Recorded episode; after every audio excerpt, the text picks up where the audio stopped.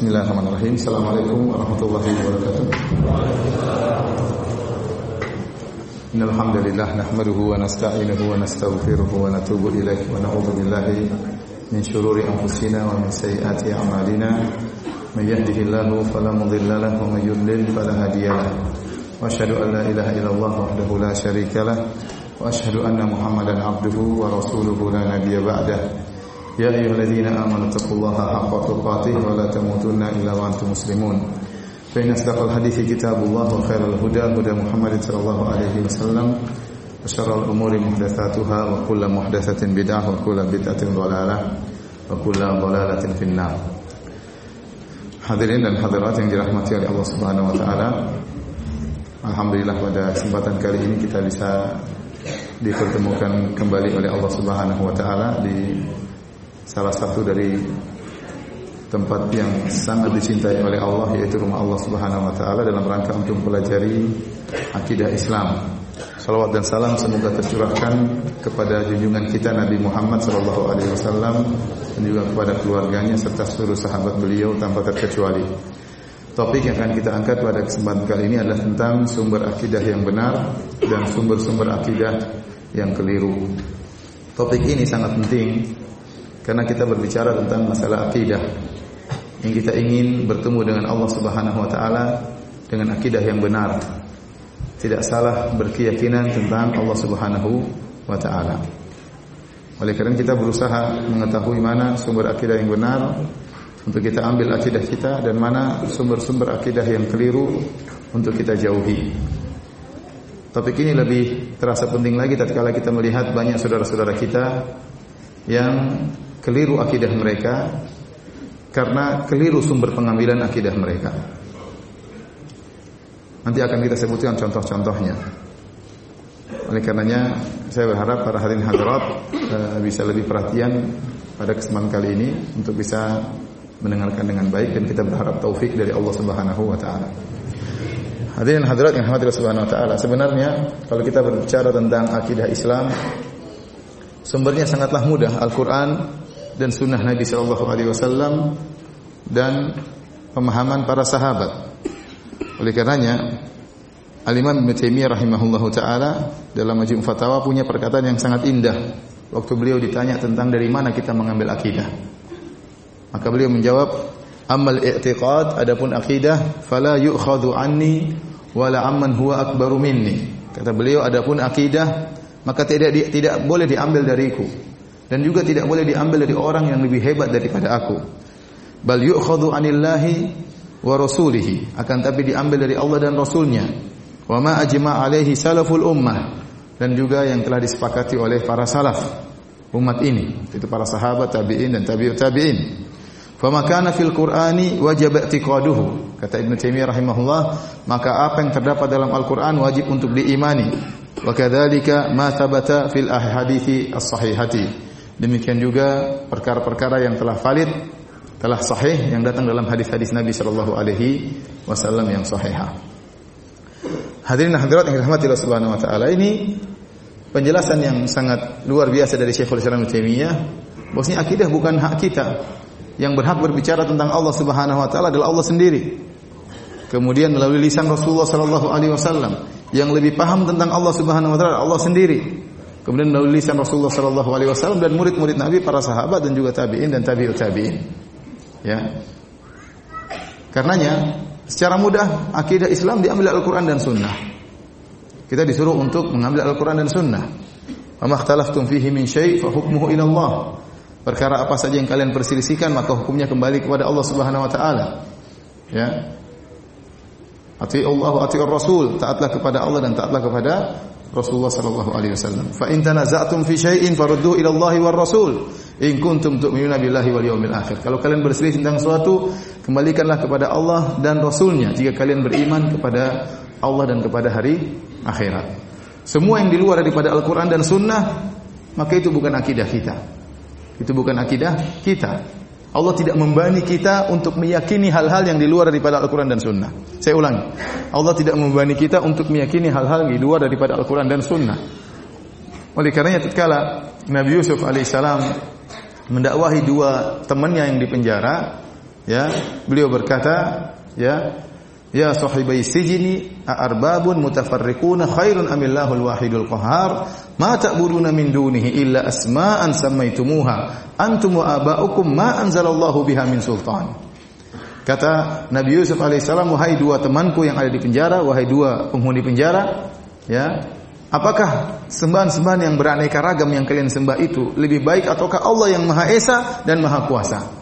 Ma ta'buduna min dunihi, tidaklah yang kalian sembah selain Allah, kalian dan nenek moyang kalian, illa asma'an samaitumuha antum wa aba'ukum kecuali hanyalah sekedar nama-nama yang kalian namakan dan nenek moyang kalian namakan ini sebagai Tuhan. Kemudian kata Nabi Yusuf, "Ma anzalallahu biha min sultan." Allah tidak pernah menurunkan dalilnya. Jadi, apa yang tersebar di masyarakat, keyakinan-keyakinan tersebar di masyarakat, tinggal tanya dalilnya ada atau tidak, Al-Qur'annya ada atau tidak. Mudah akidah Islam. Ya, dalilnya ada atau tidak, Al-Quran ada atau tidak, Sunnah ada atau tidak. Kalau tidak ada, tidak perlu diyakini. Tidak perlu diyakini. Karena kalau akidah ini bebas bisa dibuat oleh siapa saja, maka buat apa? Al-Quran dan Sunnah berbicara. Setiap orang boleh berbuat membuat keyakinan. Setiap orang boleh berkreasi tentang suatu keyakinan. Maka cukup firman Allah, "Ma anzalallahu biha min sultan." Ini tidak pernah diturunkan oleh Allah Subhanahu wa taala. Kalau tidak ada dalilnya tidak boleh kita yakini. Tidak boleh kita yakini. Dan banyak di masyarakat kita sebagai contoh sederhana keyakinan-keyakinan yang aneh. Seperti meyakini angka 13 angka sial. Ini dari mana seperti ini? Saya pergi ke hotel-hotel tidak ada lantai 13. Benar. Naik pesawat tidak ada kursi nomor berapa? 13. Dari mana? Dari mana? Siapa yang bikin angka 13 angka sial? Dari mana datangnya? Ternyata diadopsi dari orang-orang barat, orang-orang kafir, penghuni neraka jahanam. Diambil akidahnya dari penghuni neraka jahanam. Bagaimana? Ya, Bagaimana angka 13 bisa menjadi angka yang yang sial? Apa bedanya 13 dengan 12? Apa bedanya 13 dengan 14? 13 tinggal tambah 1 jadi 14. Bedanya antara 13 dengan 14 sama seperti 11 12. Kenapa harus dijadikan sebagai angka angka sial? Nanti kalau di Arab Saudi alhamdulillah lantai ada lantai apa? 13 ya. Subhanallah orang berkeyakinan angka 13 angka sial itu benar-benar mengakar. Banyak orang meyakini karena hal tersebut. Terus bagaimana kalau orang punya anak banyak? Bolehkah dia punya anak nomor 13? Oh, Ustadz ada caranya langsung anak 12 langsung anak nomor 14. Bagaimana caranya? Gimana caranya langsung nomor 14? Karena kalau anak nomor 13 an anak sial ini enggak benar dari mana ada ini? saya punya istri saya alhamdulillah satu-satunya ya. E, eh, 13 bersaudara, 13 bersaudara. Satu meninggal, ya. Dan yang bungsu anak nomor 13 anak sial bukan ini. yang terakhir nomor 13. Alhamdulillah belajar di Madinah, alhamdulillah hafal Quran ya. Ya, dibilang dibilang anak sial ya. Oleh karenanya banyak hal yang aneh-aneh yang tiba-tiba muncul di masyarakat. Saya baru kemarin pergi ke suatu kota di tanah air kita. Tiba-tiba saya diceritakan tentang suatu fenomena yang sangat aneh. Tentang suatu tempat di situ ada namanya batu Quran. Barang siapa yang putar tujuh kali, maka dia minta apa saja dikabulkan. Ya, subhanallah. Ya. Ini kesyirikan. Yang mengatakan ini syirik adalah ulama Syafi'iyah seperti Al-Mikrizi. Termasuk kesyirikan dalam perbuatan kata beliau adalah tawaf selain di Ka'bah. Orang-orang datang berbondong-bondong meyakini hal tersebut. Dari mana keyakinan ini? Cerita konon dan konon. Tanya-tanya gimana ceritanya kisah batu Quran ini? Ceritanya adalah salah, salah seorang wali dari kampung mereka pergi berhaji. Tatkala sampai di haji, dia mungkin pergi naik naik kapal, kemudian zaman dahulu waktu pulang dia tidak lewat jalur biasanya. Waktu dia pulang dia masuk di sumur Zam-Zam. Demikian saya dengar ceritanya. Dia masuk di sumur Zam-Zam, kemudian dia tembus sampai ke kota tersebut di tanah air. Tatkala dia sampai di tanah air, air Zam-Zam bocor dari Mekah itu bocor, bocor keluar. Maka dia khawatir jangan sampai nanti jemaah haji kekurangan apa? Air Zam-Zam.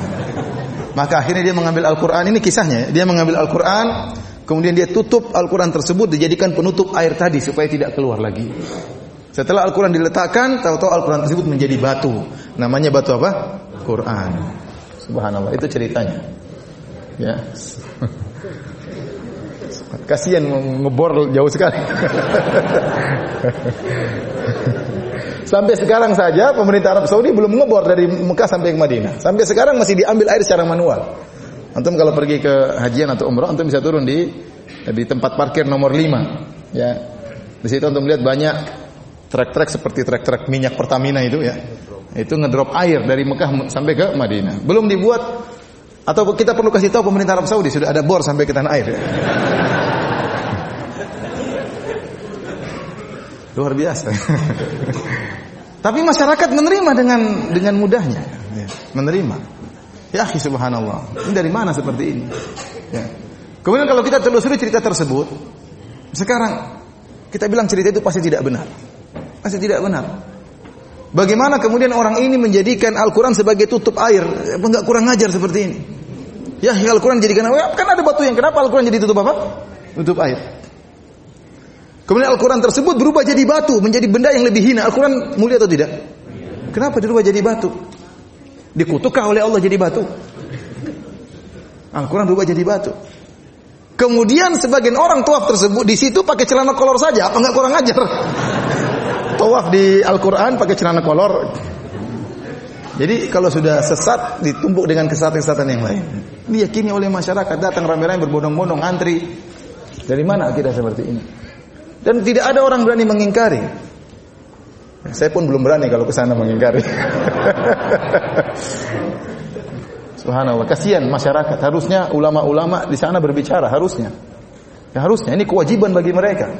Ya, kewajiban bagi mereka untuk mengingatkan. Ya, jadi kalau kita mau telusuri keyakinan-keyakinan keyakinan yang tersebar di masyarakat sangat banyak dan tidak ada dalilnya dari Al-Qur'an maupun sunnah Nabi Shallallahu alaihi wasallam. Sebelumnya saya pernah pergi juga di suatu kota di tempat yang lain di Jawa juga. Ada tiga gentong besar di suatu masjid besar terkenal orang datang ramai-ramai sana. Tiga gentong besar ini sekitar belasan tahun yang lalu saya ke sana.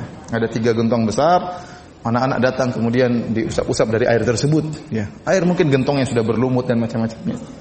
Saya tanya kenapa begitu? Katanya ada sambung ke sumur zam-zam. Subhanallah. Ini proyek luar biasa, triliunan ini.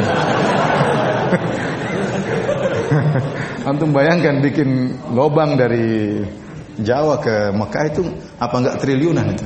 Bisa habis apa namanya? Anggaran negara. Baik, hadirin dan hadirat yang dirahmati Allah Subhanahu wa taala. Jadi yang berhak berbicara tentang akidah adalah Allah dan Rasulnya.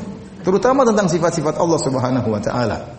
Kata Imam Ahmad rahimahullahu taala, la yusafu Allahu illa bima wasafa bihi nafsuhu wa bima wasafa bihi rasuluhu.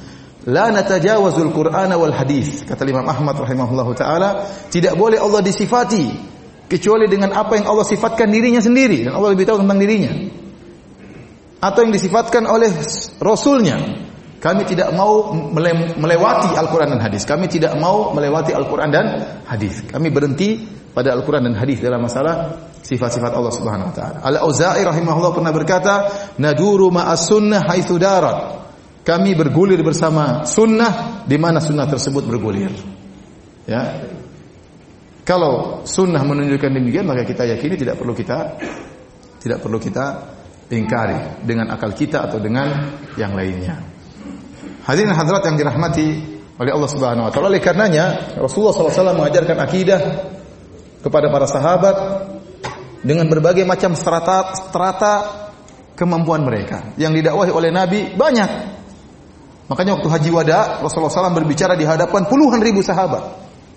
Ada sahabat muhajirin, ada sahabat kaum ansor, ada yang baru-baru masuk Islam, ada Arab-Arab Badui yang kurang begitu paham dan macam-macam. Ya, Arab Badui, tingkatan pemahaman mereka bertingkat-tingkat.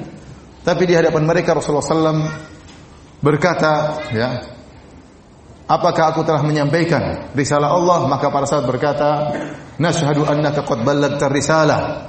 Kami bersaksi bahwa engkau telah menyampaikan risalah Allah Subhanahu wa taala, wa ummah. Engkau telah menasihati umat.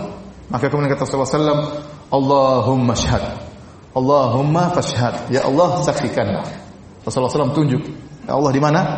Di atas. Yang lihat ini berbagai macam model manusia. Oleh karena ada, ada sebagian sebagian ulama ya uh, Al-Juwaini ya dalam bukunya dia menulis kenapa dia rujuk kepada manhaj salaf dalam masalah Allah di atas. Dia melihat waktu Rasulullah SAW menyampaikan akidah yang dengar ada orang yang terpelajar istilah kita, ada orang yang awam, ada orang yang Arab Badui. Seandainya kalau seluruh lafal-lafal hadis, lafal-lafal Al-Quran harus ditakwil, maksudnya begini, maksudnya begini, maksudnya begini, harusnya Rasulullah SAW menjelaskan. Iya tidak? Oh, maksudnya di atas itu bukan di atas Allah. Ini cuma sekedar simbol misalnya. Apa yang dia dia pahami oleh orang-orang tatkala Rasulullah SAW mengadakan kedua tangannya di atas. Tatkala Rasulullah SAW menunjuk Allah di atas. Apa yang dipahami oleh orang awam? Allah di atas atau tidak? Di atas. Seandainya maksudnya itu bukan Allah di atas, maka Rasulullah SAW harusnya menjelaskan. Karena tidak semua orang pakar tak pakar takwil. Ada orang awam, ada orang Arab Badui, ya. sehingga dengan tatkala dia merenungkan hal ini, akhirnya dia kembali kepada manhaj apa? Manhaj salah dalam masalah ini. Jadi dia menulis buku tentang masalah ini. Oleh karenanya, hadirin dan hadirat yang dirahmati oleh Allah Subhanahu wa taala, ya. Eh, tatkala kita berbicara tentang akidah, kita berdalil kepada Al-Qur'an dan sunnah Nabi sallallahu alaihi wasallam. Ini akidah kita sangat mudah. Ada yang berbicara tentang Allah, kita bilang mana dalilnya. Ada yang berbicara tentang Allah, kita bilang mana sunnahnya. Kalau tidak ada, kita tidak yakini. Kalau ada, maka kita meyakini. Inilah sumber akidah Islam yang mudah dan gamblang dan mudah dipahami ya oleh semua orang. Mudah dipahami oleh semua orang. Taib. Setelah ini kita berbicara tentang sumber-sumber akidah yang keliru. Sumber-sumber akidah yang keliru dan ini juga sangat banyak tersebar di masyarakat. Di antara sumber-sumber akidah yang keliru, contohnya ini sering saya ulang-ulang, menjadikan tradisi sebagai sumber akidah menjadikan tradisi sebagai sumber akidah. Saya ingatkan uh, tradisi ya ada yang baik dan ada yang buruk.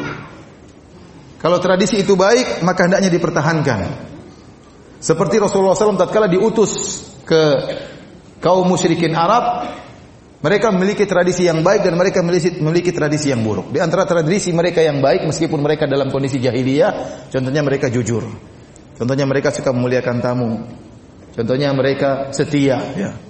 Contohnya mereka dermawan. Makanya Rasulullah SAW mengatakan inna mabu'istu liutammima makarimal akhlak. Sungguhnya aku diutus untuk menyempurnakan akhlak yang mulia. Kenapa? Ada akhlak yang mulia di mereka. Tinggal disempurnakan lagi oleh Nabi Shallallahu Alaihi Wasallam. Adapun tradisi-tradisi yang buruk semuanya dilawan oleh Nabi Shallallahu Alaihi Wasallam, difilter oleh syariat. Kalau tidak sesuai maka Nabi Shallallahu Alaihi Wasallam ya menentang tradisi tersebut. Makanya Nabi diberi tuduhan dengan tuduhan asabi. Asabi artinya orang yang keluar dari tradisi nenek moyangnya. Nabi diberi gelar di antaranya al-kahin, dukun. Di antaranya as-sahir, tukang sihir. Di antaranya mashur, orang tersihir. Di antaranya majnun, orang gila. Di antaranya syair, penyair. Ya. Di antaranya kadzdzab, pendusta. Di antaranya sabi, orang yang keluar dari tradisi nenek moyangnya. Dan ini gelar yang sering mereka ulang-ulangi dan mereka sering berikan kepada Nabi gelar ini. Kenapa? Karena orang takut untuk keluar dari tradisi. Sehingga kalau ada sahabat yang masuk Islam dari musyrik menjadi muslim, maka langsung dikatakan oleh mereka qad sobauta atau sobata, kau telah keluar dari tradisi nenek moyangmu. Agar orang tidak berani keluar dari tradisi nenek moyang. Jadi ingat Islam datang untuk memfilter tradisi. Bukan tradisi memfilter Islam. Hati-hati. Sebagian orang mengatakan lihat dulu, jangan dulu, kita lihat dulu bagaimana Islam yang datang dari Arab, kita cek dulu. Kalau sesuai dengan tradisi kita kita terima, kalau enggak kita tolak. Ini bahaya. Justru Islam datang untuk memfilter apa? Tradisi. Bukan tradisi memfilter Islam. Salah. Sebagaimana Nabi SAW hidup di orang Arab. Dan dia datang dengan Islam dan dia menolak adat Arab. Dia menolak adat Arab yang tidak sesuai dengan syariat Islam. Dan mengambil akidah dari tradisi ini merupakan lagu lama. Ya. Sudah dilakukan oleh orang terdahulu. Contoh seperti umatnya Nabi Ibrahim alaihissalam. Waktu Nabi Ibrahim alaihissalam menegur umatnya yang sedang nongkrong beribadah kepada patung-patung, ma hadhihi lati antum laha aqifun. Patung-patung apakah ini yang kalian sedang nongkrong di sini kemudian beribadah kepada patung-patung tersebut? Apa dalil mereka? Wajadna aba'ana laha abidin. Kami mendapati nenek moyang kami menyembah berhala-berhala ini. Ya sudah kami tinggal ikut. Kami tinggal ikut. Apa kata Nabi Ibrahim alaihissalam? Laqad kuntum antum wa aba'ukum fi dhalalim mubin. Kata Ibrahim alaihissalam, kalian sesat, nenek moyang kalian juga sesat. Bapak kalian juga sesat, kakek kalian juga apa? Sesat. Buyut kalian juga apa? Sesat. Ini tradisi sesat kata Nabi Ibrahim alaihissalam. Makanya mereka pun jengkel, ya. Kemudian mereka membakar Nabi Ibrahim alaihissalam. Demikian juga tatkala Nabi SAW mendakwakan Islam, Orang-orang musyrikin Arab berpegang teguh dengan tradisi. Mereka mengatakan inna wajadna aba'ana ala ummah wa inna ala atharihim muqtadun. Kami telah mendapati nenek moyang kami di atas jalan ini dan kami hanya ikut saja nenek moyang kami.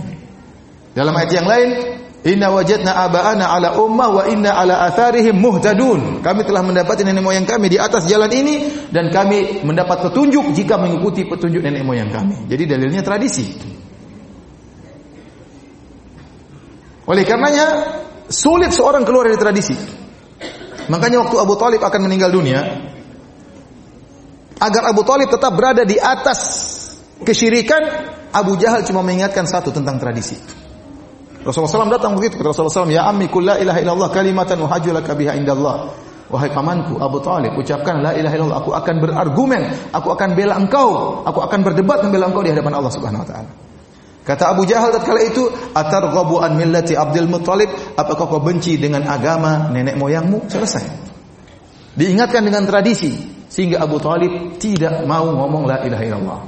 Dan dia berkata kepada Rasulullah SAW, ya, laula an tu'ayyirani Quraisyun, seandainya aku tidak dicela oleh orang Quraisy, la aqrartu biha ainak, seakan membuat engkau senang wahai ponakanku. Tapi gara-gara dia tidak mau dicela, akhirnya tidak jadi masuk Islam. Padahal dia sudah tahu agama Nabi di atas kebenaran. Ya. Oleh karenanya, tradisi sangat berbahaya kalau tradisi salah dijadikan pegangan oleh masyarakat. Di antara hal yang membuktikan susah atau sulitnya keluar dari tradisi, ini juga sering saya sampaikan, ya. Lihatlah bagaimana di sebagian negeri kita ada suatu suku yang suku tersebut luar biasa, banyak ulama berasal dari suku tersebut, banyak orang-orang hebat pakar agama berasal dari suku tersebut, tetapi sampai sekarang ya tradisi masih berlaku, kalau ada pernikahan maka yang bayar mahar perempuan. Kemudian nasab kembali kepada perempuan. Warisan yang pegang juga siapa? Perempuan. Ini salah atau tidak? Salah total atau salah sedikit? Salah total. Tapi masih bertahan tradisi atau tidak? Masih. Mungkin jangan-jangan ada di antara antum yang seperti itu. Padahal situ banyak ulama. Kenapa sulit untuk dirubah? Tradisi susah untuk dirubah. Susah untuk dirubah. Saya dapati, saya kemarin ngobrol dengan sebagian teman, Ustadz ada tradisi di sini. Tadi tadi baru tadi pagi saya ngisi pengajian. Ada tradisi di sini Ustadz uh, nyembelih uh, kerbau kemudian diletakkan di pantai. Supaya apa? Supaya ininya banyak, supaya macam-macam, supaya aman pantainya. Ya, ini kesyirikan. Ya menyembelih hewan untuk jin. Ada juga yang meletakkan kepala kerbau diletakkan di tengah-tengah sawah. Buat apa? Untuk bersyukur. Tradisi apa seperti ini? Kalau bersyukur kepalanya jangan jangan dibuang, dimakan dong, jangan dibuang. Itu namanya mubazir, buang-buang. Banyak orang suka kepala sapi ya tidak? Oleh karenanya ya tradisi. Ini salah dalam mengambil akidah dengan tradisi. Ya. Sekarang kalau kita terima tradisi adalah sumber akidah, pertanyaan berikutnya, taruhlah saya sepakat sama Anda bahwasanya tradisi sumber akidah. Nah, kalau tradisi menjadi sumber akidah, tradisi siapa yang jadikan sumber akidah? Tradisi orang Jawakah, tradisi orang Bugiskah, tradisi orang Batakkah, tradisi orang Sumatera kah, tradisi siapa dan moyang siapa yang menjadikan sumber hukum? Atau tradisi orang Arab? Siapa yang menjadi sumber hukum?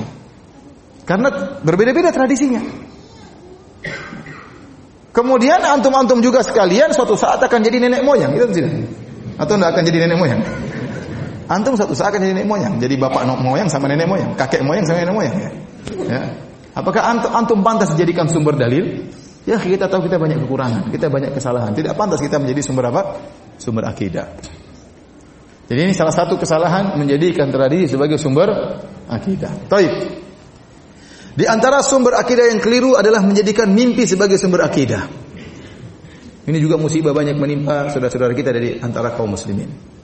Ya. Tiba-tiba dia melakukan satu amalan, dalilnya mimpi. Dapat uang sih dalam apa? Dalam mimpi. Yang lebih canggih, saya bermimpi ketemu Nabi Shallallahu Alaihi Wasallam. Nabi ajarkan saya wiridan ini. Nabi ajarkan saya sholat ini misalnya. Kita bilang Rasulullah Sallallahu Alaihi Wasallam meninggalkan banyak hukum-hukum hadis-hadis Nabi SAW banyak. Itu aja antum ini jelas dari Nabi SAW. Sanatnya sahih. Adapun dalam mimpi masih banyak kemungkinan. Kau salah lihat, kau salah dengar. Ya. Mimpi kan tidak jelas seperti orang lagi bangun. Ya. Kenapa kau meninggalkan yang jelas? Hadis-hadis Nabi, hukum-hukumnya yang sudah dijelaskan oleh para ulama, kemudian kau berpaling kepada sesuatu yang tidak jelas. Taruhlah kau benar-benar bermimpi dengan Nabi dalam mimpi, bertemu dengan Nabi dalam mimpi. Itu pun suatu yang tidak jelas. Apalagi para ulama telah ijma kata Nawawi rahimahullah dalam syarah uh, dalam majmu' syarh al-muhadzab, al-majmu' syarh al-muhadzab kata beliau ijma ulama tidak boleh mimpi dijadikan dalil. Mimpi itu paling banter hanya untuk istiqnas, untuk penguat. Contohnya bagaimana? Contohnya seorang dalam tidur bermimpi ketemu dengan Nabi, kemudian Nabi bilang, wahai fulan, hendaknya kau berbakti kepada orang tuamu. Itu nggak jadi masalah. Memang perintah untuk berbakti sudah diperintahkan oleh Nabi dalam hadis-hadisnya. Contohnya seorang bermimpi, saya dengar seorang bermimpi, saya mimpi ketemu Nabi, Nabi bilang, kenapa kau tidak sholat taraweh? Ya tidak apa-apa, silakan sholat taraweh. Karena memang sholat taraweh sudah ada dalilnya. Tapi membuat hukum baru tidak mungkin karena agama sudah sempurna. Nabi telah berkata dalam Al-Quran, Allah berfirman, Al-yawma akmaltu lakum dinakum. Pada hari ini telah aku sempurnakan agama Islam bagi kalian. Nah kalau ternyata bisa muncul syariat-syariat baru lewat mimpi, berarti agama Islam belum sempurna. Berarti ada ajaran yang tidak diketahui oleh Nabi dan para sahabat dan tidak diketahui oleh semua orang. Baru sekarang baru anda tahu karena Nabi kasih tahu. Berarti baru sempurna sekarang dong. Kalau begitu caranya, agama tidak akan pernah sempurna. Sampai tunggu bid'ah yang terakhir muncul baru sempurna. Paham atau tidak? Ya. Karena kelaziman daripada bid'ah sebagaimana perkataan Imam Malik rahimahullahu taala. Ya. Wa man za'ama uh, annal bid'ah barang siapa yang menyangka bahwasanya ada bid'ah hasanah faqad za'ama anna Muhammadan khana risalah ya. Barang siapa yang berpendapat ada bid'ah hasanah maka dia telah menuduh Muhammad telah berkhianat terhadap risalah. Berarti ada sesuatu yang belum disampaikan oleh Nabi. Kenapa? Karena Allah telah berfirman, "Al-yauma akmaltu lakum dinakum." Pada hari ini telah aku sempurnakan bagi kalian agama kalian. Ya. Maka tidak mungkin Nabi kemudian membuat syariat baru dalam mimpinya. Oleh karena Imam Nawawi berkata, seandainya seorang tidur dalam mimpi datang Nabi SAW berkata, wahai fulan, besok satu syawal. Kata Imam Nawawi, tidak boleh dia percaya dengan mimpi tersebut. Besok dia tetap harus lihat hilal. Karena yang nyuruh lihat hilal juga siapa? Siapa yang suruh lihat hilal? Nabi SAW juga. Sekarang dalam mimpi, taruhlah benar dia ketemu dengan Nabi dalam mimpi, Nabi bilang besok satu syawal. Sementara dia tahu dalam hadis-hadis yang sahih Nabi mengatakan sumu li ru'yatihi wa aftiru li ru'yatihi. Kata Nabi ber, berpuasalah karena melihat hilal dan lebaranlah karena melihat apa? Hilal. Maka terjadi pertentangan antara apa yang dilihat dalam mimpi dengan hadis-hadis Nabi yang sahih. Kata Imam Nawawi harus ikut hadis-hadis yang sahih.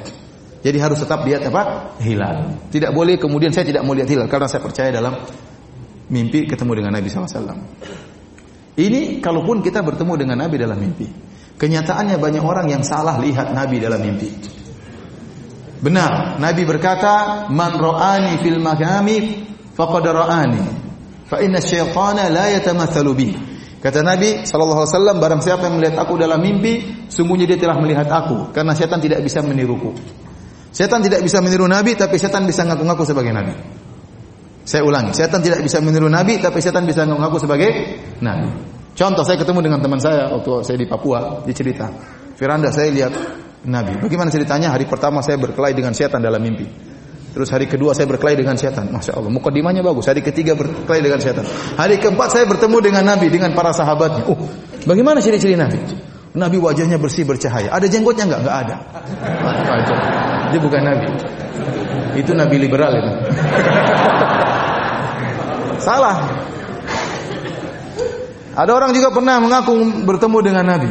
Nabi bersahaja, Nabi berwibawa. Gimana ciri-cirinya? Rambutnya putih semuanya, jenggotnya putih. Tidak benar. Nabi waktu meninggal tidak punya uban tidak sampai 20 helai. Itu bukan Nabi Shallallahu alaihi wasallam.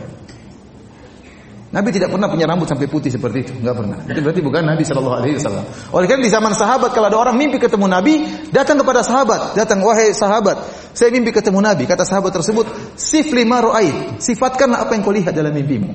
Saya lihat begini-begini, ah itu Nabi kata sahabat tersebut. Karena sahabat tahu tentang ciri-ciri siapa? Nabi Wasallam. Dan ciri-ciri Nabi ada dalam kitab Syama'il Muhammadiyah. Ciri-ciri wajahnya bagaimana, pundaknya bagaimana, palanya bagaimana sampai bulu dadanya bagaimana semuanya dalam dalam dalam Syama'il Muhammadiyah dijelaskan tentang sifat-sifat fisik Nabi SAW gaya jal, cara jalannya bagaimana Rasulullah SAW ya di antara hal yang aneh yang saya pernah dengar ada yang pernah cerita Ustaz saya pernah mimpi ketemu dengan Nabi Ustaz sudah lama tapi saya baru cerita sekarang Ustaz Kenapa? Karena saya aneh lihat Nabi SAW. Gimana? Jadi saya ketemu dengan Nabi SAW ada beberapa orang dan dia bilang saya Rasulullah Shallallahu Alaihi Wasallam. Tapi waktu saya lihat Nabi pakai songkok nasional, kemudian pakai sarung. Ya mungkin Nabi lagi pakai baju lain kan bisa saja. Tapi yang anehnya Nabi pegang rokok gudang garam. ini benar ini, wallahi dia cerita sama saya. Saya tidak main-main ya. Iya, makanya saya bilang subhanallah. Nabi sempat-sempatnya iklan rokok gudang garam. saya bilang coba sarungnya merek apa itu? Coba lihat. Masih ingat nggak? Sekarang baru saya yakin itu bukan Nabi. Jadi saya bilang memang setan tidak bisa niru Nabi, tapi setan bisa ngaku sebagai Nabi. Akhirnya banyak akidah rusak gara-gara ini. Contoh, akhirnya yang tersebar di tanah air kita. Beberapa tahun yang silam, pada zaman dahulu kala, tersebar sebagian orang menyebar fotokopi tentang penjaga kuburan Nabi bertemu dengan Nabi. Dan Nabi mengatakan telah murtad dari umatku setiap tahun sekian sekian sekian. Barang siapa yang memfotokopi membagi berita ini sekian sekian dapat kemaslahatan sekian sekian. Barang siapa yang tidak mengkopinya dapat celaka kualat sekian sekian. Itu tidak? Orang-orang ketakutan dapat itu. Ini gara-gara mimpi. Sampai saya ketemu orang di pom bensin, sudah azan maghrib. Dia bagi-bagi, ketakutan dia. Kita sholat, dia tidak sholat. Dia tidak sholat, dia tidak takut. Tapi kalau tidak bagi kertas itu, dia ketakutan. Ini gara-gara apa? Mimpi ketemu Nabi. Gara-gara mimpi ketemu Nabi. Contoh lagi, ada orang mimpi ketemu Nabi. Dan ini yang dialami oleh Ibnu Arabi. Ibnu Arabi, orang sesat. Ya, penganut wahdatul wujud. Menganggap makhluk sama dengan Tuhan. Tuhan sama dengan manusia. Ya. Bersatu padu. Tidak bisa dipisah-pisahkan. Makanya dia mengatakan di antara syairnya al abdu rabbun wa rabbu abdun. Ya laika syi'ri manil mukallaf. Kata dia hamba adalah Tuhan, Tuhan adalah hamba. Kalau gitu siapa yang disuruh untuk beribadah? Siapa yang untuk sholat? Kalau kau suruh dia sholat, dia juga Tuhan. Mau sembah siapa? Ya. Kemudian dia punya buku di antara judulnya Fususul Hikam. Fususul Hikam itu kira-kira 300 halaman. Kalau saya tidak salah ingat. Ya. Dia mengatakan Bagaimana kisah buku ini Fususul Hikam? Dia mengatakan suatu malam saya di kota ini disebutkan nama kotanya. Di malam sekian tanggal sekian saya bermimpi ketemu dengan Nabi Shallallahu alaihi wasallam. Lantas Rasulullah SAW memberikan kepada saya buku ini. Wahai Ibnu Arabi, riwayatkanlah buku ini sebarkan kepada manusia. Maka saya pun sebarkan buku ini. Buku inilah yang ada di hadapan Anda. Tidak saya tambah satu huruf pun dan tidak saya kurangi satu huruf pun. Ini datang sebagaimana dari Nabi Shallallahu Alaihi Wasallam. Ini kan bahaya ada buku baru nih. cetakan baru, cetakan dalam mimpi ini dibagi sama Nabi SAW, kemudian dia sebarkan. Dalam buku tersebut disebutkan Fir'aun masuk surga. Ini benar ini. Dalam buku tersebut Firaun masuk apa? Surga. Karena Firaun mengatakan ana rabbukumul a'la. Aku adalah Tuhan kalian yang maha tinggi. Dan benar itu perkataan Firaun tidak salah karena Firaun juga Tuhan. Kan keyakinan dia wahidatul apa? Wujud. Kata dia wahidatul wujud itu seperti ombak di lautan. Ombak ini adalah mungkin kita lihat ada ombak yang tinggi, ombak yang rendah, ada buih-buih semuanya dalam satu lautan. Sama kita melihat alam semesta ini ada si fulan laki-laki, perempuan, ada gunung, semuanya satu kesatuan. Dan di situ juga ada Tuhan, tidak bisa dipisah-pisahkan. Makanya waktu Firaun mengatakan saya Tuhan kalian yang maha tinggi, maka Firaun benar dan dia masuk apa? Surga. Ini ngawur seperti ini. Dari mana? Dari mimpi dia ambil. Ini buku diagung-agungkan oleh orang sufi. Buku ini. Karena berbicara tentang ini, tentang hakikat, tentang macam-macamnya, ya. Antum bayangkan masuk akal atau tidak? Dia bangun tidur, Nabi kasih buku berapa? 300 halaman. Apa dia langsung pegang buku? Kan enggak kan? Berarti dia bangun langsung dia catat.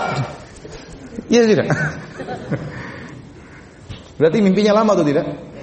Mimpinya lama kan? Baca 300 halaman mimpinya lama itu. ya kan dia tidak bangun dia pegang buku kan tidak kan?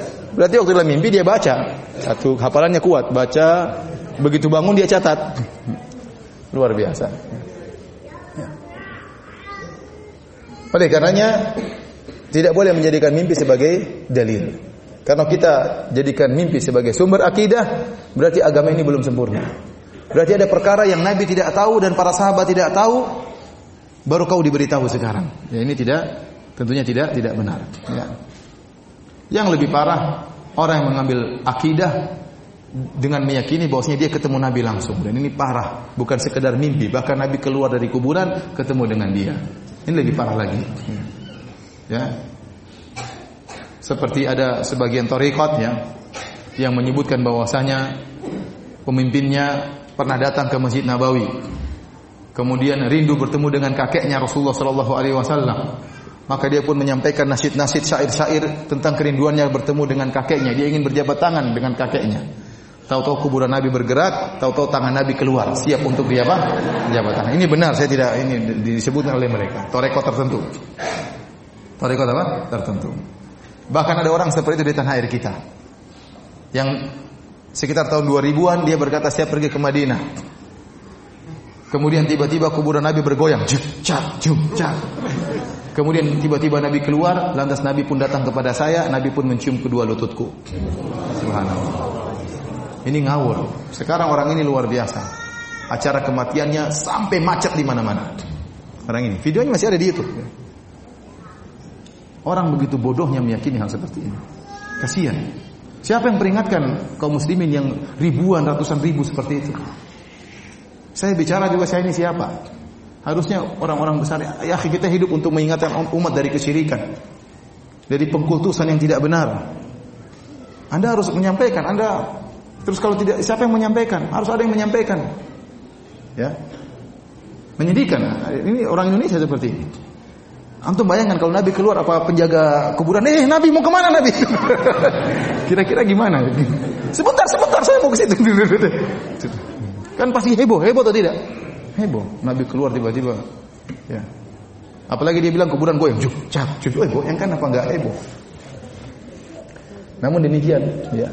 Ibnu Taimiyah mengatakan, segala kesesatan, sesat apa pun, sebahlul apa pun, seaneh apa pun pasti ada pengikutnya. Benar. Pasti ada pengikutnya. Ente percaya sama siapa? Siapa namanya? Lia Aminuddin. Katanya malaikat Jibril mau turun di Monas. Ada yang percaya tidak? Ada yang percaya. Waktu malaikat Jibril tidak jadi turun, kenapa landasannya belum ada?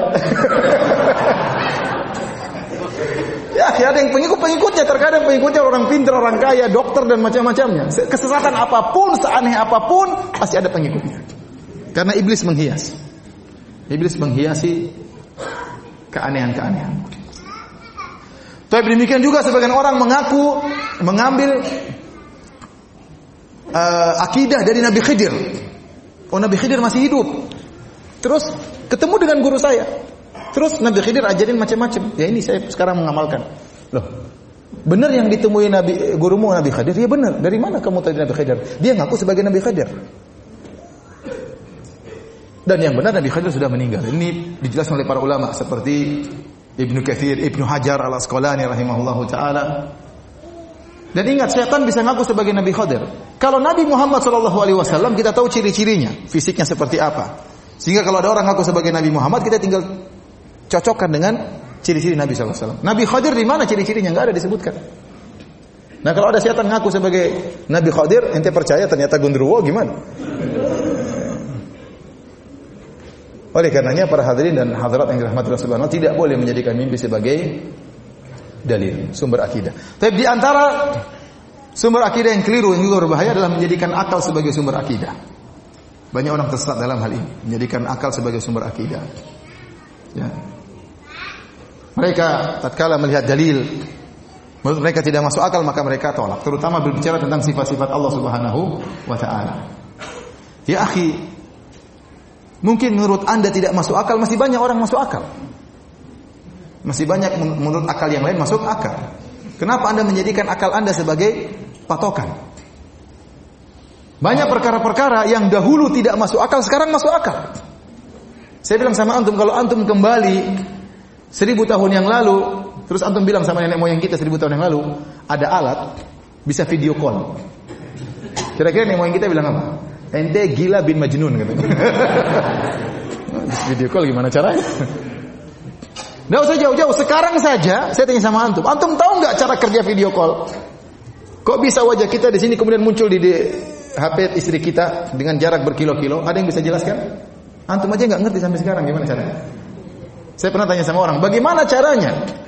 Kok bisa saya ngomong di sini suara saya kedengar di sana? Ya mungkin orang yang pakar itu kan ada gelombang ustadz karena begini suara dan macam-macam atau lewat kabel dan macam-macamnya.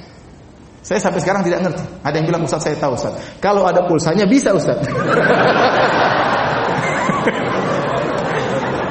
dia paham. Itulah pemahaman dia. Mau diapain? Kalau nggak ada pulsanya nggak bisa. Memang top kata saya.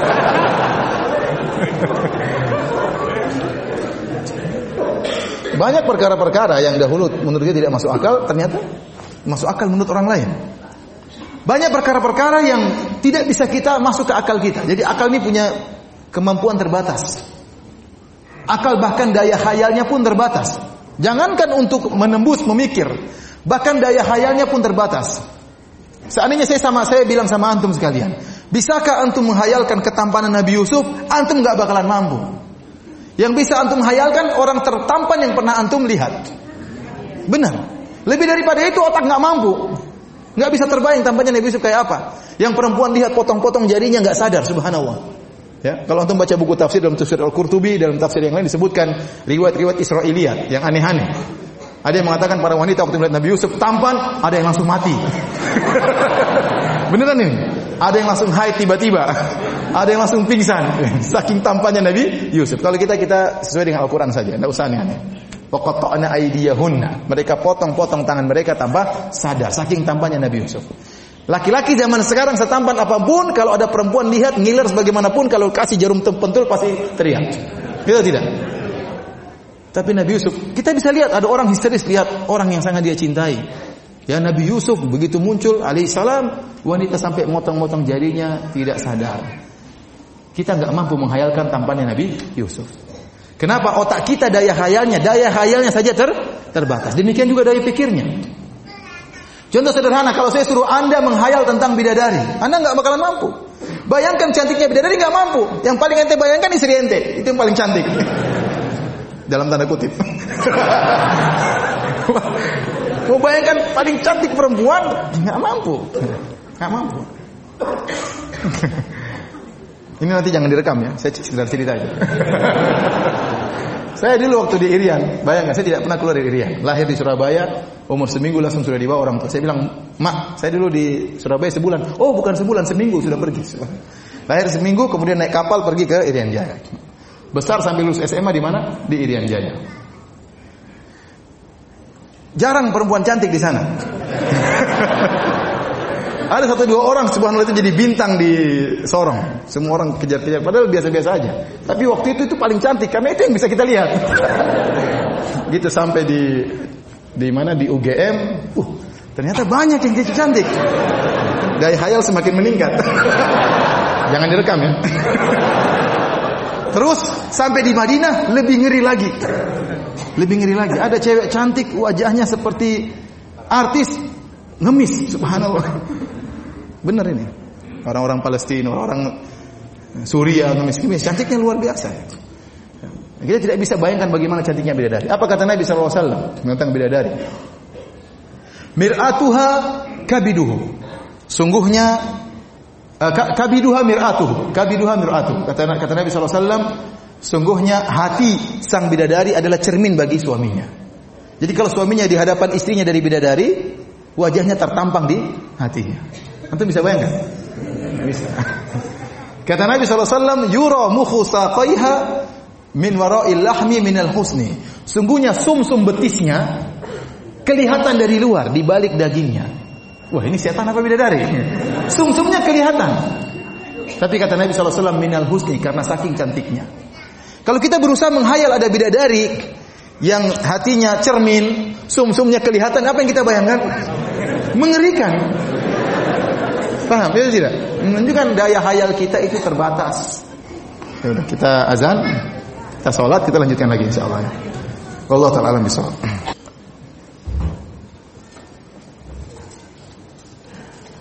Bismillahirrahmanirrahim. Assalamualaikum warahmatullahi wabarakatuh. Alhamdulillah salatu wassalamu ala Rasulillah wa ala alihi wa ashabihi wa man tabi'ahum bi ihsanin ila yaumiddin. Amma ba'd. Kita lanjutkan pengajian kita. Tadi telah kita jelaskan bahwasanya otak atau daya khayal kita ini terbatas dan otak ini kemampuannya terbatas. Ada ranah-ranah yang tidak bisa dijangkau oleh otak kita ya kita disuruh merenungkan tentang hakikat ruh yang ada di badan kita, kita tidak mampu. Oleh kerana Allah berfirman, "Wa yas'alunaka 'anir ruh, qulir ruhu min amri rabbi wa ma utitum minal ilmi illa qalila." Mereka bertanya kepada engkau tentang ruh, katakanlah ruh itu adalah urusan Rabbku dan kalian tidak diberi ilmu kecuali hanya sedikit. Kalau ada seribu ulama berkumpul untuk menjelaskan tentang hakikat ruh dari unsur apakah terciptakan ruh, bagaimana sifat-sifatnya, ya, apa senyawanya, maka akan ada seribu pendapat. Kenapa? Karena mereka semua tidak tahu tentang hakikat ruh. Padahal ruh berada dalam jiwa kita, namun tidak tahu hakikatnya. Bagaimana lagi dengan Rabbul Alamin, dengan Allah Subhanahu wa taala. Oleh karena saya menyampaikan hal ini agar kita tahu bahwasanya otak kita ini terbatas, ada ranah-ranah yang tidak bisa dijangkau oleh otak. Maka tatkala ada datang sifat-sifat Allah Subhanahu wa taala, maka kita imani. Mungkin menurut otak kita tidak masuk akal, bisa jadi masuk akal menurut yang lainnya. Ya. Betapa banyak ahlul bidah baik Jahmiyah maupun Al-Mu'tazilah maupun Al-Asy'ariyah mereka menolak sifat-sifat Allah. Di antaranya seperti mereka menolak sifat Allah di atas. Dalilnya apa? Akal-akal mereka. Kata mereka ini melazimkan tempatlah, melazimkan waktulah, melazimkan macam-macam lah. Ya. Padahal terlalu banyak dalil menunjukkan Allah di atas. Banyak sekali dalilnya. SAW ya, berdoa mengadakan kedua tangan di atas. Kalau Allah di mana-mana ya kita ke bawah juga boleh, ke kiri juga boleh, ke kanan juga boleh. SAW tunjuk Allah di di atas. Ya. Waktu Rasulullah SAW Isra Mi'raj, Rasulullah SAW kemana? Ke atas apa ke Bekasi? Ke atas. Ke atas. Sampai-sampai begitu dekatnya Nabi dengan Allah Subhanahu wa taala sampai sebagian sahabat menyangka Nabi melihat Allah. Sampai ditanya dalam hadis Abu Dzar, "Ya Rasulullah, hal ra'aita rabbak? Apa kau melihat Rabbmu?" Kata Nabi SAW, Nurun anna arahu. Ada cahaya yang menghalangi. Bagaimana saya bisa melihat? Itu sudah sangat dekat. Dekat dengan Allah Subhanahu wa taala. Ya. Barang siapa yang mengingkari Allah di atas, dia mengingkari mukjizat Isra dan Mi'raj kelazimannya. Ya, karena Rasulullah SAW untuk bertemu dengan Allah kemana? Ke atas, tanpa peran, tanpa perantara malaikat Jibril langsung temu dengan Allah Subhanahu Wa Taala. Dan ini keyakinan yang diyakini oleh masyarakat secara umum. Fitrah masyarakat meyakini Allah di atas. Bukankah kita sering dengar kalau ada masalah kata mereka kita serahkan kepada yang di atas. Benar atau tidak? Sering dengar atau tidak? Tanya Allah di mana? Allah di mana-mana. Tapi maksud mereka Allah di mana-mana itu bukan zat Allah, tapi mereka meyakini ilmu Allah di mana-mana. Allah mengetahui apa? Segala-galanya. Tapi waktu mereka berdoa, mereka mengarahkan ke mana? Ke atas. Kalau mereka menghadapi suatu kata mereka kita serahkan kepada yang di atas. Ini menunjukkan fitrah mereka meyakini Allah berada di di atas. Malaikat Jibril turun dari Allah, mendapat wahyu dari Allah, turun-turun kepada Nabi. Turun dari mana? Dari atas. Allah mengatakan tentang Nabi Isa, "Barrafa'ahullah ilaih." Kata Allah, "Wa ma qataluhu wa ma salabuhu." Mereka tidak pernah membunuh Nabi Isa, mereka tidak pernah menyalib Nabi Isa. Kata Allah, "Barrafa'ahullahu ilaih." Tapi Allah angkat Nabi Isa ke Allah. Angkat itu ke mana? Apa ada angkat ke bawah? Terlalu banyak dalilnya, ya. Tanzilul kitab, Al-Quran turun dari atas, terlalu banyak. Malaikat naik dari atas turun ke bawah, lapor kepada Allah naik ke atas, amalan-amalan diangkat ke atas, terlalu banyak dalilnya. Ratusan dalil kemudian dibantah dengan otak bahwasanya Allah tidak di atas. Ya. Taib. Mereka yang menolak Allah di atas, dari mereka apa? Otak, akal. Kita katakan kepada mereka, seandainya kita menjadikan akal sebagai sumber akidah, kita bilang seandainya akal cuma satu nggak jadi masalah. Semua akal manusia modelnya cuma satu, tidak apa-apa mungkin kita jadikan akal sebagai sumber akidah. Masalahnya akal ukul mutafawita, akal itu bertingkat-tingkat. Akal siapa yang mau dijadikan patokan? Makanya berkata Al-Imam Malik rahimahullahu taala, Ya laita syi'ri bi ayyi aqlin yuzanul kitab wa sunnah. Sampaikanlah kepada aku dengan akal siapa mau ditimbang Al-Qur'an dan sunnah? Mau pakai akal siapa? Apakah akalnya orang-orang Yunani, Aristoteles dan yang lain-lainnya? Atau akalnya para sahabat radhiyallahu taala ajma'in? Atau akalnya para imam madhab? Atau akalnya ahlul bidah yang muncul belakangan? Akal siapa yang mau dipakai? Oleh karena tatkala mereka menjadikan akal sebagai sumber akidah dan akal bertingkat-tingkat berbeda-beda, akhirnya outputnya juga berbeda-beda. Outputnya juga apa? Berbeda-beda. Lihatlah, kita berbicara tentang Allah di atas berbeda-beda. Orang-orang Jahmiyah mengatakan Allah tidak di atas, tidak di bawah. Tidak di dalam alam, tidak di luar alam. Mereka mengumpulkan dua yang kontradiktif. Kita bilang kalau tidak di atas berarti di mana? Di bawah. Kalau tidak di bawah berarti di mana? Di atas kata mereka Allah tidak di atas dan tidak di bawah. tidak di timur dan tidak di barat. Itu gimana? Kalau tidak di timur berarti di mana? Di barat. Kalau tidak di barat berarti di timur. Allah di mana? Di bawah? Oh enggak, tidak di bawah. Di atas enggak. Terus di mana? Tidak di atas dan tidak di bawah. Ini enggak masuk akal. Allah apakah di alam semesta apa di luar alam semesta? Allah tidak di alam semesta dan juga tidak di luar alam semesta. Terus berarti tidak ada kalau begitu. Apa bedanya Allah dengan tidak ada? Sifati tidak ada. Apa sih? Kalau ada sesuatu tidak ada saya sifati. Tidak ada itu tidak di atas dan tidak di bawah. Benar atau tidak? Tidak ada itu tidak di dalam alam, tidak di luar alam. Benar atau tidak? Sebedanya tidak ada dengan Allah, apa bedanya? Ini Jahmiyah. Baik, orang-orang Mu'tazilah mereka mengatakan Allah tidak di atas. Terus bukankah dalam hadis-hadis yang banyak, hadis mutawatir, Allah akan dilihat di surga. Di antara Kelezatan yang paling indah adalah melihat wajah Allah Subhanahu Kata mereka Allah tidak bisa dilihat. Di surga pun tidak bisa dilihat. Terus hadis-hadis, hadis-hadisnya dhaif. Mana dhaif? Hadisnya mutawatir. 20 sahabat lebih meriwayatkan. Tapi mereka konsisten. Allah tidak berada di atas dan Allah tidak bisa dilihat di akhirat kelak. Muncul orang-orang Asy'ariyah, pendapatnya lain lagi. Kata mereka Allah tidak di atas, tetapi bisa dilihat di surga. Nah, dilihatnya bagaimana? Ada arah melihat atau tidak? Antum kalau melihat ada arah dilihat enggak? Kalau antum melihat ada arah dilihat atau tidak? Ya berarti Allah ada di suatu arah. Makanya Nabi SAW mengatakan, Innakum satarawna rabbakum kama tarawna al-qamara lailatal badri la tudamuna fi ru'yatihi. Sungguhnya kalian akan melihat Allah dalam riwayat ayanan yaumal qiyamah. Kalian akan melihat Allah dengan mata kalian pada hari kiamat kelak sebagaimana kalian melihat rembulan. Rembulan di mana? Di atas. Bukan Allah seperti rembulan, tidak, tapi cara melihatnya. Sehingga kata Nabi kalian tidak perlu berdesak-desakan. Kalau rembulan perlu kita berdesak-desakan? Tidak perlu. Demikianlah melihat Allah pada hari kiamat kelak. Orang-orang Asy'ariyah bingung, kata mereka Allah tidak di atas tapi Allah dilihat pada hari kiamat. Lihatnya bagaimana? Ya pasti ada arahnya enggak? Kata mereka Allah tidak boleh ditunjuk di mana, enggak boleh. Kalau ditunjuk salah, loh Nabi tunjuk Allah atau tidak? Kata Nabi Allah saksikanlah.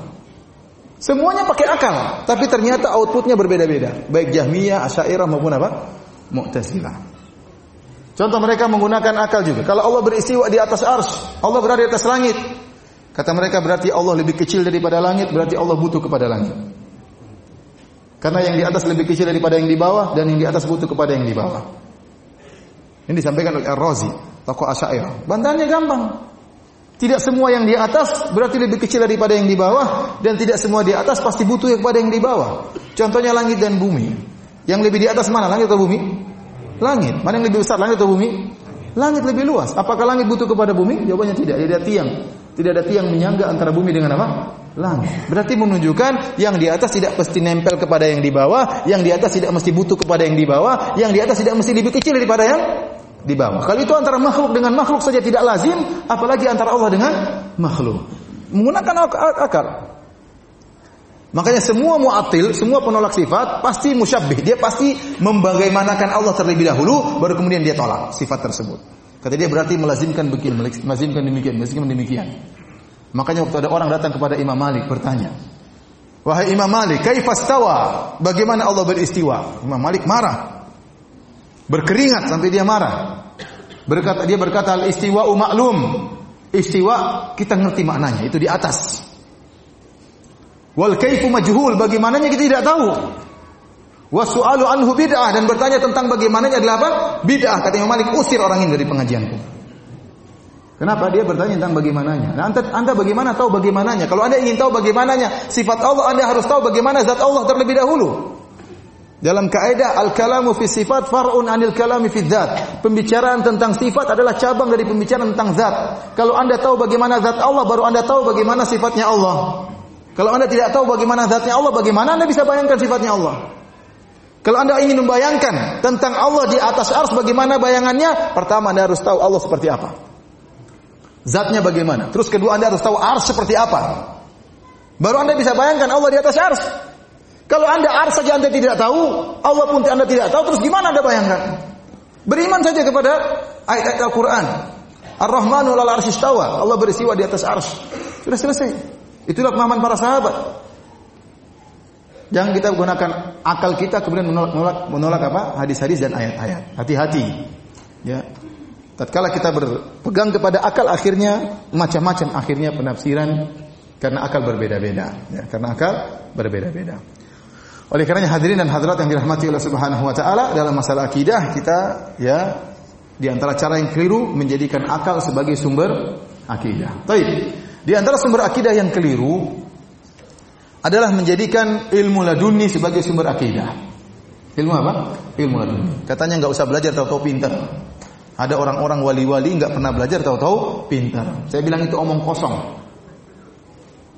Nabi SAW bersabda, Innamal ilmu bitta'allum. Sungguhnya ilmu itu dengan belajar.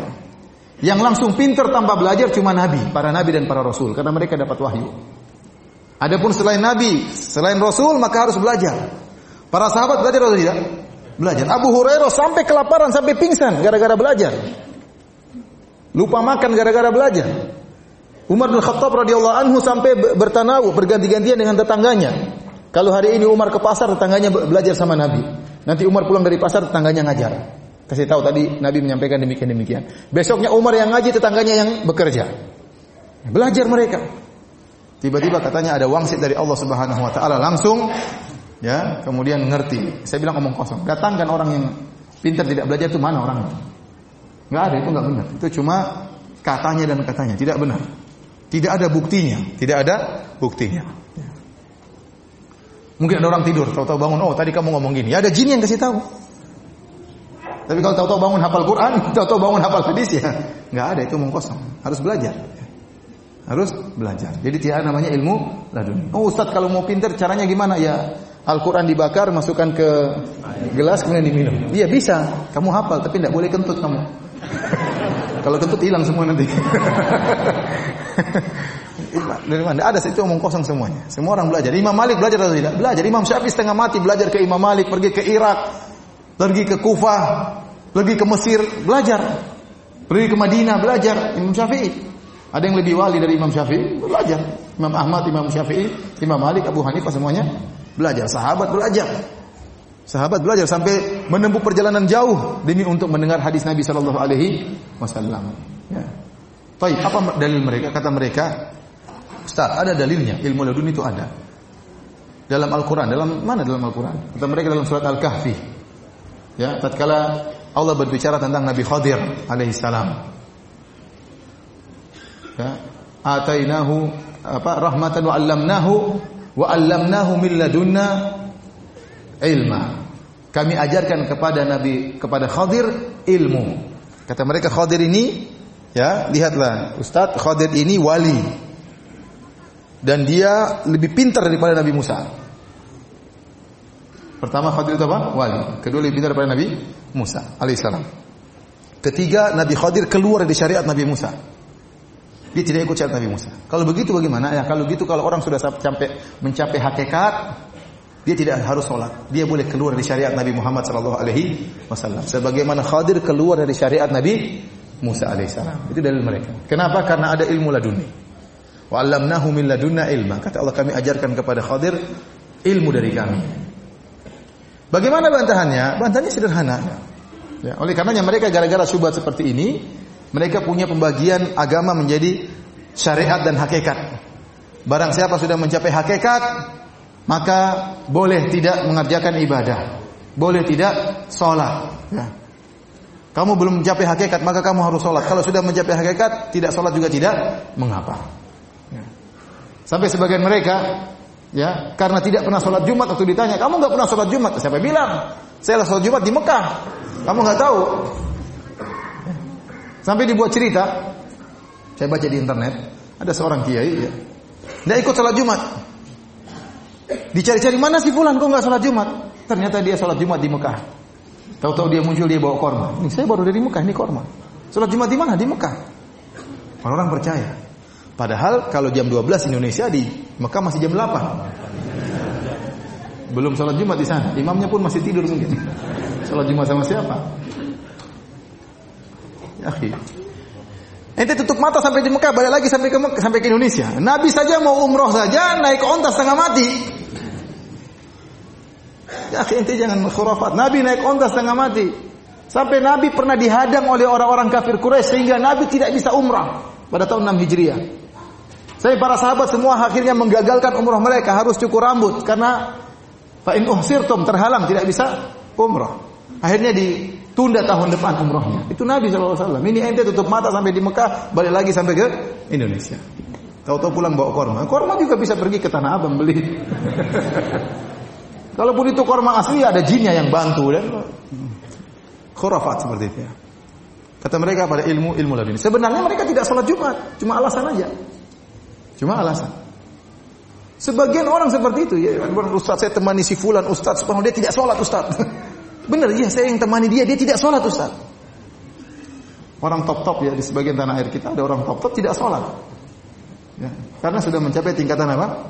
Hakikat. Tapi kita kembali kepada Nabi Khadir dan Nabi Musa alaihissalam. Baik.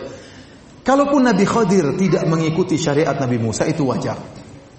Pertama, Nabi Khadir seorang nabi, bukan seorang wali dan ini pendapat yang dikuatkan oleh Ibnu Katsir rahimahullahu taala dalam tafsirnya dan juga dalam kitab Al-Bidayah wa Nihayah dan juga dikuatkan oleh Al-Hafidz Ibnu Hajar rahimahullahu taala. Oleh karenanya Nabi Khadir waktu bertemu dengan Nabi Musa, kata Nabi Khadir alaihissalam apa kata Nabi Nabi Khadir kepada Nabi Musa, ya, wahai Musa, ya, innaka ala ilmin 'allamaka Allah la a'lamuhu ana. Wahai Musa, kau di atas ilmu yang Allah ajarkan kepada engkau dan aku tidak tahu. Wa ana ala ilmin 'allamani Allah la ta'lamuhu anta. Dan saya di atas ilmu yang Allah ajarkan kepadaku dan kau tidak tahu. Ini menunjukkan Nabi Khadir apa? Nabi. Musa punya ilmu, saya juga punya ilmu. Allah ajarkan kepada Musa saya tidak tahu dan Allah ajarkan kepada saya Musa tidak tidak tahu. Dan Nabi tidak perlu mengikuti Nabi yang lain, masing-masing punya syariat. Ya, masing-masing punya syariat. Kemudian yang kedua, Nabi Musa adalah nabi diutus kepada Bani Israel. Sementara Nabi Khadir bukan Bani Israel. Seandainya dia tidak mengikuti syariat Nabi Musa, wajar karena dia bukan dari Bani Israel. Makanya dalam Sahih Bukhari, waktu Nabi Musa mencari-cari Nabi Khadir, atau Nabi Khadir sedang menutup tubuhnya dengan baju, ya, maka Nabi Khadir, Nabi Musa bertanya, Nabi Musa mengucapkan salam, Assalamualaikum. Nabi Khadir kaget. Anna bi ardi salam. Kok ada salam di negeriku? Dia tidak pernah dengar orang ucapkan salam. Kok ini ada orang beri salam sama saya? Nabi Khadir bertanya, siapa kamu? Kata Nabi Musa, ana Musa, saya Musa. Nabi Khadir bertanya lagi, Musa Bani Israel? Apakah Musanya Bani Israel? Kata Nabi Musa, iya benar. Kenapa? Karena Musa banyak. Ada Musa Bekasi, ada Musa... Paham? Makanya Nabi Khadir bertanya, Musanya Bani Israel? Kata Nabi Musa, iya benar. Ini menunjukkan bahwasanya Khadir bukan dari Bani Israel. Dan Nabi Musa tidak diutus untuk dia. Kalau dia tidak ikut ajaran Nabi Musa nggak jadi masalah. Yang ketiga, ternyata Nabi Khadir juga sesuai dengan syariat Nabi Musa. Kenapa Nabi Musa mengingkari waktu Nabi Khadir merusak kapal? Karena dia tidak tahu penjelasannya. Waktu Nabi Musa, Nabi Khadir kemudian membunuh seorang anak. Nabi Musa juga mengingkari. Tapi setelah Nabi Khadir menjelaskan, saya merusak kapal ini, kenapa kalau tidak saya rusak? Seandainya kapal ini tidak saya rusak akan dirampas oleh raja. Maka saya rusak supaya tidak dirampas oleh raja. Nabi Musa setuju atau tidak? Setuju. Berarti kan sesuai dengan syariatnya. Waktu Nabi Khadir membunuh anak ini, Nabi Khadir mengatakan ini kalau besar anak ini akan menjerumuskan kedua orang tuanya dalam apa? Kekufuran. Nabi Khadir setuju, Nabi Musa setuju atau tidak? Setuju.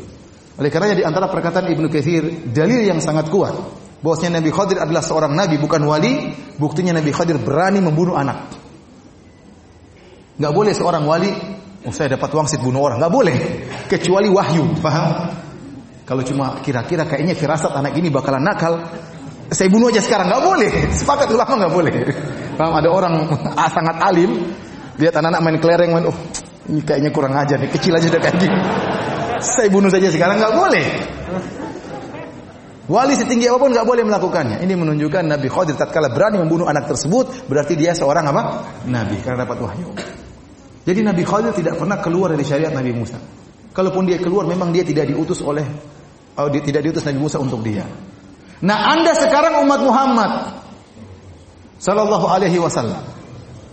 Nabi Muhammad diutus untuk semuanya. Ini Rasulullah ilaikum jami'an. Aku diutus kepada kalian seluruhnya. Baik orang Arab maupun selain Arab. Makanya Rasulullah SAW mengirim surat kepada Heraklius Romawi, Rasulullah SAW kirim surat kepada Persia untuk masuk Islam. Karena Nabi memang diutus alam semesta, Nabi terakhir. Konsekuensi Nabi terakhir harus kepada seluruh umat. Nah anda berarti umat Muhammad. Kalau anda meyakini boleh keluar dari syariat Nabi Muhammad, berarti anda bukan umat Muhammad. Benar atau tidak? Jangan bilang anda orang Islam, anda orang kafir kalau begitu. Para ulama ijma sepakat barang siapa yang merasa boleh keluar dari syariat Nabi Muhammad maka dia orang kafir dan kita setuju.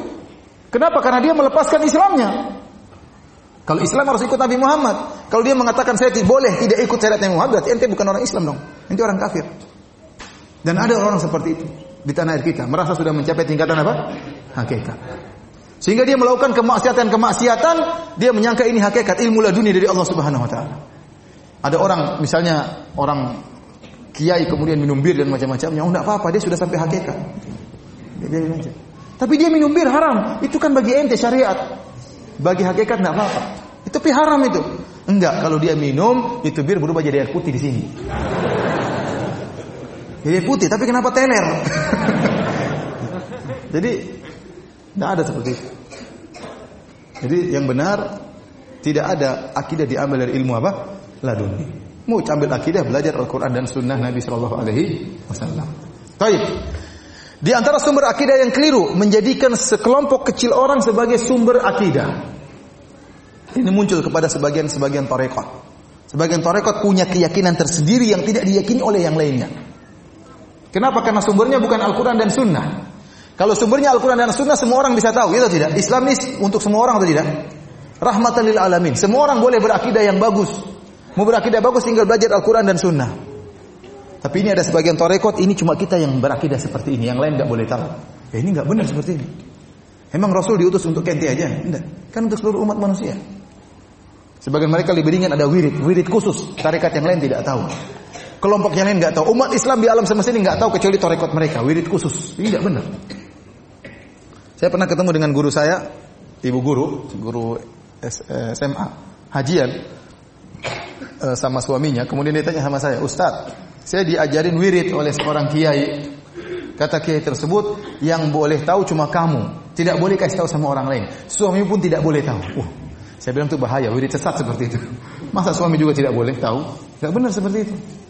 Islam ini rahmatan lil alamin. Bukan untuk sekelompok khusus. Harus dari dia, jalur dia. Tidak, tidak benar. Ya, semua orang ada Al-Quran dan hadis Nabi Shallallahu Alaihi Wasallam. Oleh karena tidak benar perkataan sebagian orang Syiah yang mengatakan bahwasanya akidah hanya boleh diambil dari ahlul bait. Selain ahlul bait nggak boleh. Ini dari mana aturan seperti ini? Dari mana aturan seperti ini? Bosnya akidah hanya boleh diambil dari ahlul bait. Bukankah Rasulullah SAW berdakwah yang masuk Islam banyak, sahabat-sahabat meriwayatkan hadis-hadis Nabi Shallallahu Alaihi Wasallam tidak harus dari jalur ahlul bait. Bukankah Rasulullah SAW mengutus Muaz bin Jabal ke negeri Yaman dan Muaz bukan ahlul bait? Bukankah Rasulullah SAW mengutus Abu Musa al-Ash'ari berdakwah di Yaman dan dia bukan dari Alul Bait? Bukankah Ibnu Mas'ud berdakwah di Irak dan dia bukan dari Alul Bait? Kenapa Anda membatasi bahwasanya akidah harus berasal dari Alul Bait? Sebagian orang diberi syubhat dan saya langsung saya diceritain. Orang Syiah mengatakan, "Ya akhi, kalau Anda di keluarga Bukankah yang paling tahu tentang akidah Anda adalah keluarga Anda? Benar. Berarti kan yang paling tahu tentang akidah Nabi Muhammad sallallahu alaihi wasallam adalah putrinya, ya, Fatimah radhiyallahu anha dan cucu-cucunya. Logika ini seakan-akan benar. Ya. Bantahnya gampang. Justru yang lebih tahu tentang kita istri kita atau anak kita? Yang lebih tahu tentang kita istri kita atau anak kita? Istri kita lebih tahu. Kalau begitu ambil akidah dari Aisyah dong. Yang lebih tahu tentang Nabi Aisyah atau Fatimah? Aisyah radhiyallahu anha yang tiap hari bergaul sama Nabi sallallahu alaihi wasallam. Sehari-hari bersama Nabi sallallahu alaihi wasallam. Meriwayatkan banyak hadis dari Nabi sallallahu alaihi wasallam. Kenapa ente anta mengkafirkan Aisyah kemudian hanya mengambil dari Fatimah? Dan Nabi tidak pernah buat aturan bahwasanya akidah hanya boleh diambil dari siapa? Alul Alul Bait. Alul Bait kita terima dari selain Alul Bait juga kita terima, ya. Baik hadirin dan hadirat yang dirahmati oleh Allah Subhanahu wa taala, ini saja yang bisa saya sampaikan pada kesempatan kali ini ya tentang sumber akidah yang benar dan juga sumber-sumber akidah yang keliru. Semoga Allah uh, menjadikan kita kokoh di atas akidah yang benar dan meninggal di atas akidah yang benar, akidah salafus saleh. Uh, semoga pertemuan kita ini bermanfaat dan sebagaimana Allah kumpulkan kita di masjid yang mulia ini semoga Allah kumpulkan kita di surganya kelak. Amin rabbal alamin. Kurang lebihnya saya mohon maaf. Subhanakallah bihamdik. Asyhadu an la ilaha illa anta astaghfiruka wa atubu assalamualaikum warahmatullahi wabarakatuh